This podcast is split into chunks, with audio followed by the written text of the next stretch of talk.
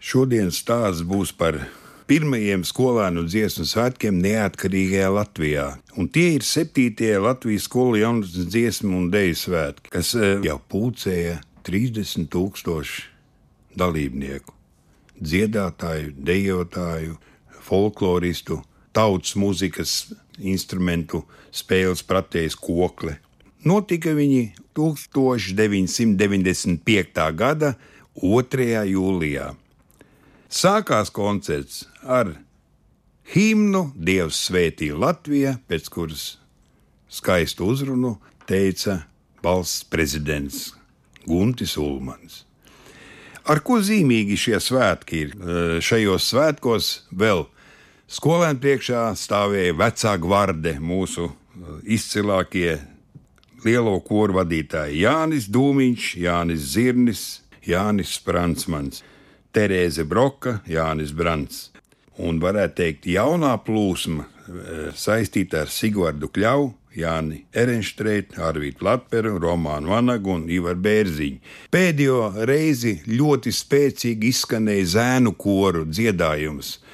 Nu, tie bija 3000 dziedātāji. Nu, tas bija liels spēks, ja, bet nu, viņš mazinājās ar, ar gadiem.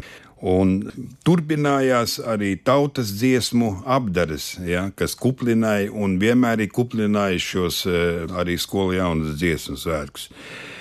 Varētu atzīmēt, ka bez latviešu autoru dziesmām skanēja arī divas pasaules pērles - Ludviga van Bethovena Eiropas himna, vizdiriģents Jānis Ābols un Jāņa Dūmiņa vadītā Giuseppe Verdi vergu koris no operas Nabuko.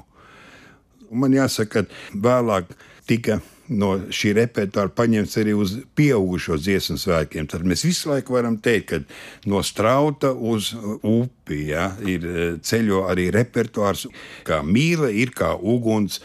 Atkal skanēja saule, pērkons, Daugo, Mārtiņa Brauna, un man kā diriģentam bija ļoti patīkami atcerēties Raimonda Paula dziesmu speciāli noslēgumam ar Rojāru Vācieša tekstu Tu esi. Un eh, jāatzīmē, ka vienmēr radošums ir tas, kas kādreiz eh, atstāja tādu dziļu iespaidu, un, un šoreiz tā dziesma ir īsa, 12 takšu gara sešas rindiņas, un visu laiku tiek atkārtots viens teksts par Latviju. Tu esi Latvija, tu esi Latvija, un tāda uzmundrinoša, tāda, varētu teikt, tādas labas emocijas raisoša, un mēs pirmo reizi izmantojām čukstus bija ļoti grūti noklusināt gan skatītājus, gan dziedātājus, bet mums izdevās. Un, un, un tas ir kaut kas eh, neaptverams, ka 12 pār tūkstoši dziedātāji čukst uz skatuves tekstu. Pēc tam viņi runā no piano līdz forte, un tad sāk dziedāt. Un tad pats maestro spēlē pie klavieriem, tā kā papildinot eh, šos dziedājumus, un, un beigās šī dziesma izvērtās kā tāda kolosāla himna Latvijai. Paliekošie iespaidi. Vēl ko varētu atzīmēt, ka šajos svētkos pirmo reizi piedalījās apvienotie pūtēji skolu orķestri. Nu, es domāju, ka tādi diriģenti kā Jānis Sābols, Haralds Bāzdiņš, Andris Mužnieks un Agris Celns jā, bija tie, kas prata skolās šos orķestrus vadīt, un no skolu pūtie orķestri, kas uzstājās kā kopēja vienība dziesmu estrādē, nomainīja dziedātājus un atskaņoja brīnišķīgas eh, partitūras, kuru vidū bija arī latviešu karavīru dziesmas Jāņa Ābola instrumentācijā, un tajā skanēja tās dziesmas, ko nu, ļoti ilgus gadus mēs vispār nedrīkstējām publiski atskaņot, kas ir saistīts ar mūsu vēsturi vairāk. Jā. Protams, man ir grūti atcerēties vēl kuros svētkos tik daudz reizes bija jāatkārto dziesmas. Vienkārši publika to prasīja, paši dziedātāji prasīja, pieprasīja atkārtot šo dziesmu, ja, un, un, un tas uh, padarīja tos koncertus diezgan pagarus.